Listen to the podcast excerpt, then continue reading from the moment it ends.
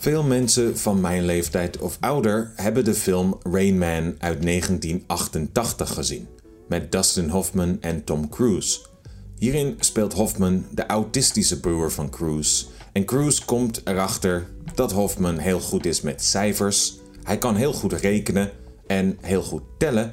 Daarom neemt hij hem mee op een reis langs casino's om hem kaarten te laten tellen en zo veel geld te winnen.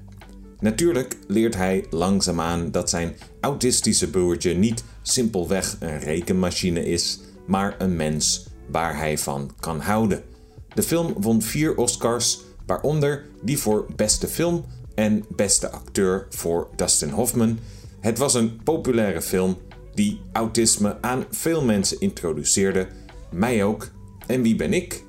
Ik ben Martijn, docent Nederlands voor zowel Nederlanders als anderstaligen en dit is de Dutch Today podcast. Welkom, ik maak deze podcast om jou te helpen met je Nederlands. En je kunt mij ook helpen. Zit jij al bij de Patreon-familie, dan heel erg bedankt daarvoor. Zit je nog niet op Patreon, neem dan eens een kijkje op de website. Ik upload daar elke maand twee extra podcasts en de transcripties van de podcasts. Het kost 3 euro per maand en het houdt deze podcast in leven. Rain Man was dan een goede film. Er was ook een probleem met Rain Man. Het grootste probleem is dat het karakter van Dustin Hoffman in deze film niet alleen autistisch is, maar dat is misschien een beetje moeilijker te begrijpen als je niet veel van autisme weet. Hij is wat ze een savant noemen. Dat is een persoon, autistisch of niet, die heel erg goed in iets is die bijvoorbeeld 20 talen spreekt of van elke datum kan zeggen op welke dag deze viel. Door deze film zijn er veel mensen die denken dat autistische mensen speciale dingen kunnen, speciale trucjes. En dat is niet zo. Dat zijn savant-autisten. Maar wat is autisme dan precies? Dat is niet heel makkelijk uit te leggen. Autisme is namelijk een verzamelnaam voor verschillende symptomen die er vooral mee te maken hebben dat iemand problemen heeft met communicatie, sociale interactie, het verwerken van prikkels en emotie, flexibiliteit en ook bewegen. Soms denken mensen dat autistische mensen minder emoties hebben, omdat deze vaak niet van hun gezichten te lezen zijn. Maar dit is niet waar. Autisten voelen emoties vaak heel sterk, maar kunnen ze niet goed uiten. Ook hebben veel mensen met autisme moeite met plannen en organiseren. En dit is misschien ook omdat veel mensen die autistisch zijn ook last hebben van ADHD, ADD of andere gedragsstoornissen. We spreken trouwens niet echt meer van autisme, maar van het autistische spectrum. Dit is omdat er niet één vorm van autisme bestaat. Vroeger werd er gezegd dat mensen die beter konden functioneren in de maatschappij het syndroom van Asperger hadden. Dat wordt niet meer gezegd. Autisme is een ontwikkelingsstoornis die vaak in de kindertijd al duidelijk is. Tekenen zijn vooral dat kinderen geen oogcontact maken, veel schommelen of tikken met hun handen of voeten en heel erg in zichzelf gekeerd zijn. Ze maken moeilijk vrienden op school, maar pas op, niet iedereen die introvert is, is autistisch. Je moet aan een serie van symptomen voldoen om op het autistische spectrum te zitten. Wat die symptomen zijn, zal ik zo vertellen. Eh, in elk geval is het belangrijk om te weten dat deze kinderen niet een normale ontwikkeling van het brein doormaken. Andere kinderen ontwikkelen eerst het emotioneel van hun brein, dan het rationele. Bij kinderen die op het spectrum zitten, is dit andersom. Daarom weten ze vaak veel, maar kunnen ze moeilijk met anderen omgaan. Als het erg duidelijk is, kun je van een kind van 4 jaar oud al zeggen dat het autisme heeft. Bij jongens wordt het vaker gediagnosticeerd dan bij meisjes, omdat meisjes over het algemeen sociaal iets beter zijn. Ze kunnen iets beter maskeren dat er iets mis is. Ik was daar ook goed in. Ik ben pas met autisme gediagnosticeerd toen ik 36 jaar oud was. Toen ik 12 was, merkte ik dat ik een beetje anders was dan mijn klasgenoten. Kinderen doen dan vaak één van twee dingen: zich terugtrekken of het gedrag van anderen kopiëren. Ik heb dat laatste gedaan. Ik keek goed naar andere kinderen om te leren welk gedrag beloond werd en welk gedrag gestraft. Toen ik eindelijk mijn diagnose kreeg, vond de dokter het vreemd dat ik het nooit eerder gehoord had. Het was voor haar meteen duidelijk. Maar autisme is een genetische aandoening, dus vaak zijn één of meer van de ouders zelf ook autistisch. En vinden ze hun kind dus helemaal niet vreemd. Ze begrijpen niet dat er iets mis is en sturen hun kind nooit naar een arts. Andere ouders zien wel dat er iets aan de hand is, maar willen niet dat hun kind gestigmatiseerd wordt.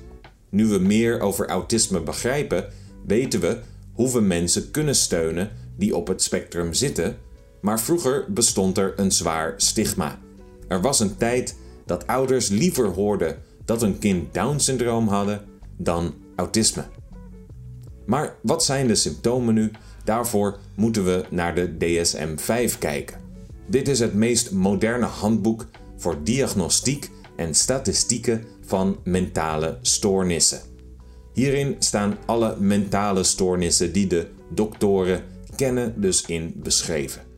Volgens het handboek zit ongeveer 1 op de 150 mensen op het autistisch spectrum. Een aantal van de meest opvallende symptomen kunnen de volgende zijn: later dan normaal leren spreken, onhandig bewegen, langzaam leren, impulsief en hyperactief gedrag, epilepsie, vreemde eet- en slaapgewoonten, veel angst en stress en problemen met het verteren van eten. Ander gedrag dat ook op autisme kan wijzen is onder andere obsessief-compulsief gedrag, het ritualistisch herhalen van woorden of handelingen, het herhalen van dezelfde spelletjes, sterke reacties op geuren en hoe dingen voelen en een obsessie met regels en routines. Daarnaast hebben autistische mensen vaak heel specifieke interesses. Ze weten alles, maar dan ook alles over een bepaald onderwerp. Veel autistische mensen zijn gefascineerd door treinen, vliegtuigen, dinosaurussen, astronomie, muziek of een ander onderwerp. Ze kunnen hier dan uren over praten zonder adem nodig te hebben. Vaak begrijpen ze niet dat jij niet zo in dit onderwerp geïnteresseerd bent als zij. Dit komt vooral doordat ze het zelf interessant vinden en niet kunnen begrijpen dat jij anders in elkaar zit. Dat jij niet hetzelfde voelt als zij. Het is lastig voor ze, eh, voor ons, om te begrijpen dat verschillende mensen verschillende gevoelens hebben.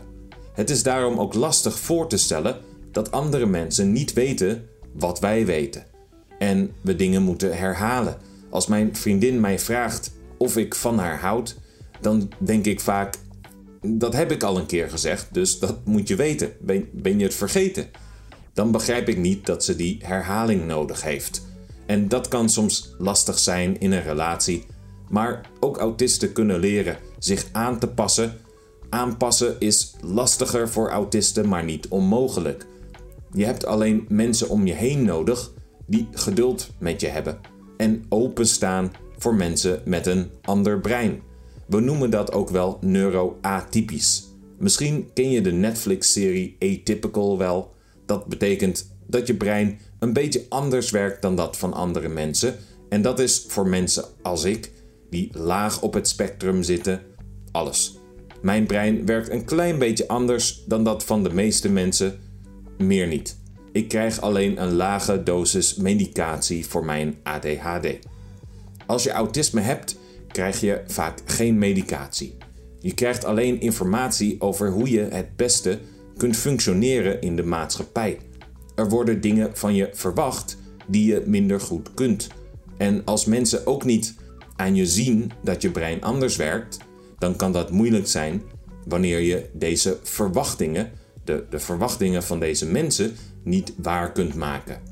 En over functioneren gesproken, toen ik door de arts gediagnosticeerd werd, noemden ze mij hoogfunctionerend autist. Ik ben een optimist, dus ik hoorde alleen hoogfunctionerend en vergat even de rest. Hoogfunctionerend is een term die eigenlijk ook niet meer gebruikt wordt. En dat is om twee redenen. De eerste reden is dat het natuurlijk niet leuk is uh, voor de mensen die te horen krijgen dat ze laag functionerend zijn. De tweede reden is dat niet iedereen die goed kan functioneren dat ook echt doet. Er zijn goede voorbeelden van mensen die volgens de artsen een lage kwaliteit van leven hebben door hun gelimiteerde mentale functies, maar heel gelukkig zijn met hun leven. Er is een voorbeeld van een jongen die in een gesloten inrichting zit omdat hij niet veel kan. Op papier functioneert hij heel slecht, maar hij ziet zijn verzorgers als vrienden en maakt elke dag muziek met hen. Daartegenover zie je zogenaamd hoogfunctionerende mensen die chronisch depressief zijn en het liefste een einde aan hun leven maken. Daarom is deze term niet heel nuttig. Wat kun je doen als jij denkt dat jij zelf autisme hebt of iemand om je heen autisme heeft? Als het om iemand anders gaat, is het misschien goed ze een paar vragen te stellen over hoe ze zich voelen. Mijn vader bijvoorbeeld wist niets van autisme, maar toen ik hem vroeg hoe hij zich vroeger op school voelde, zei hij: Ik voelde me alsof ik alleen op een klein vlot dreef midden op de zee. Eh, als Rose in Titanic een beetje. En met mijn handen moest peddelen om naar land te komen waar de andere kinderen leuk speelden. Eh, dit is natuurlijk geen bewijs dat hij autistisch is, maar met andere symptomen samen kun je misschien inschatten of het goed is dat deze persoon eens een test doet of met een dokter praat. Als jij het zelf bent, vertel dit aan de huisarts. En ja, Nederlandse huisartsen zijn niet allemaal heel makkelijk, maar als hij of zij moeilijk doet, zeg je dat je het heel belangrijk vindt. Uh, dat werkt vaak. En anders is er ook uh, op de meeste huisartsenposten een praktijkondersteuner. En dit is een soort assistent van de psycholoog die advies kan geven. Misschien kun je met die persoon praten. Verder zijn er ook allerlei clubjes voor autisten. Wij hebben er een op school waar ik werk. Daar komen autistische studenten en docenten één keer in de maand of één keer in de twee maanden samen om te praten over wat we meemaken. Wat obstakels zijn en hoe we daarmee omgaan. We kunnen elkaar advies geven en van elkaar leren. Sommige studenten rijden meer dan een uur met de trein om naar de bijeenkomsten te komen. Natuurlijk zijn er op internet ook veel clubjes. Om advies te krijgen kan dit ook heel goed helpen. Het lastige is alleen dat je dan niet goed weet met wie je spreekt. Er zijn onder andere op TikTok mensen die zichzelf hebben gediagnosticeerd en deze diagnose gebruiken als excuus om geen dingen te hoeven doen die ze moeilijk vinden. Helaas geeft dit mensen die echt op het autistische spectrum zitten een slechte naam. Nadat ik mijn diagnose gekregen had, merkte ik dit ook bij mezelf. Als ik iets moeilijk vond, dacht ik meteen: ah, dat is natuurlijk omdat ik autistisch ben. Je moet oppassen dat het geen excuus wordt. Maar aan de andere kant moet je ook zacht voor jezelf zijn en jezelf accepteren hoe je bent. Want hoe voelde ik me over mijn diagnose? Wat ik voelde was vooral opluchting. Ik was heel erg blij met mijn diagnose, omdat het voelde alsof alle puzzelstukjes op hun plaats vielen. Veel dingen die ik in mijn leven moeilijk had gevonden, waren nu te verklaren. Alles was logischer en ik kon de mensen om mij heen ook beter vertellen waarom ik soms een beetje vreemd deed. Wel was ik bang dat dit zou overkomen als een excuus. Sommige mensen hebben meer begrip dan anderen, maar dat zal de rest van mijn leven zo blijven. Natuurlijk ken je veel mensen die op het autistische spectrum zitten of zaten. Een paar voorbeelden van bekende mensen zijn Elon Musk, Albert Einstein, Bill Gates, Susan Boyle, Daryl Hannah, Eminem, Courtney Love en veel meer. Er zijn naast Rain Man meer films en series die expliciet gaan over autistische karakters als Extremely Close and Incredibly Loud, The Accountant en The Good Doctor. Maar er zijn ook veel films en series waarin een karakter autistische trekken heeft die heel herkenbaar zijn voor mensen die zelf autisme hebben, maar die niet expliciet autistisch genoemd worden. The Queen's Gambit is hier een goed voorbeeld van. Het karakter van Anya Taylor-Joy is sociaal ongemakkelijk, heeft een heel specifieke interesse die heel diep gaat en kan zich niet makkelijk aanpassen. Dit type persoon noemen we autistisch gecodeerd. Ze krijgen veel trekjes mee van autisme. Sherlock Holmes is een ander goed voorbeeld, of Aubrey Plaza in Parks and Rec. Dat was het voor vandaag. Natuurlijk is er nog veel meer te zeggen over autisme. Heb jij ook autisme? Of ken jij iemand met autisme? Of heb je vragen? Al je verhalen en vragen zijn welkom via Spotify, Patreon of Instagram. Check ook mijn YouTube-kanaal als je dat wilt. Volgende week weer een podcast die exclusief voor Patreon is. Ik hoop je daar te zien. Doei!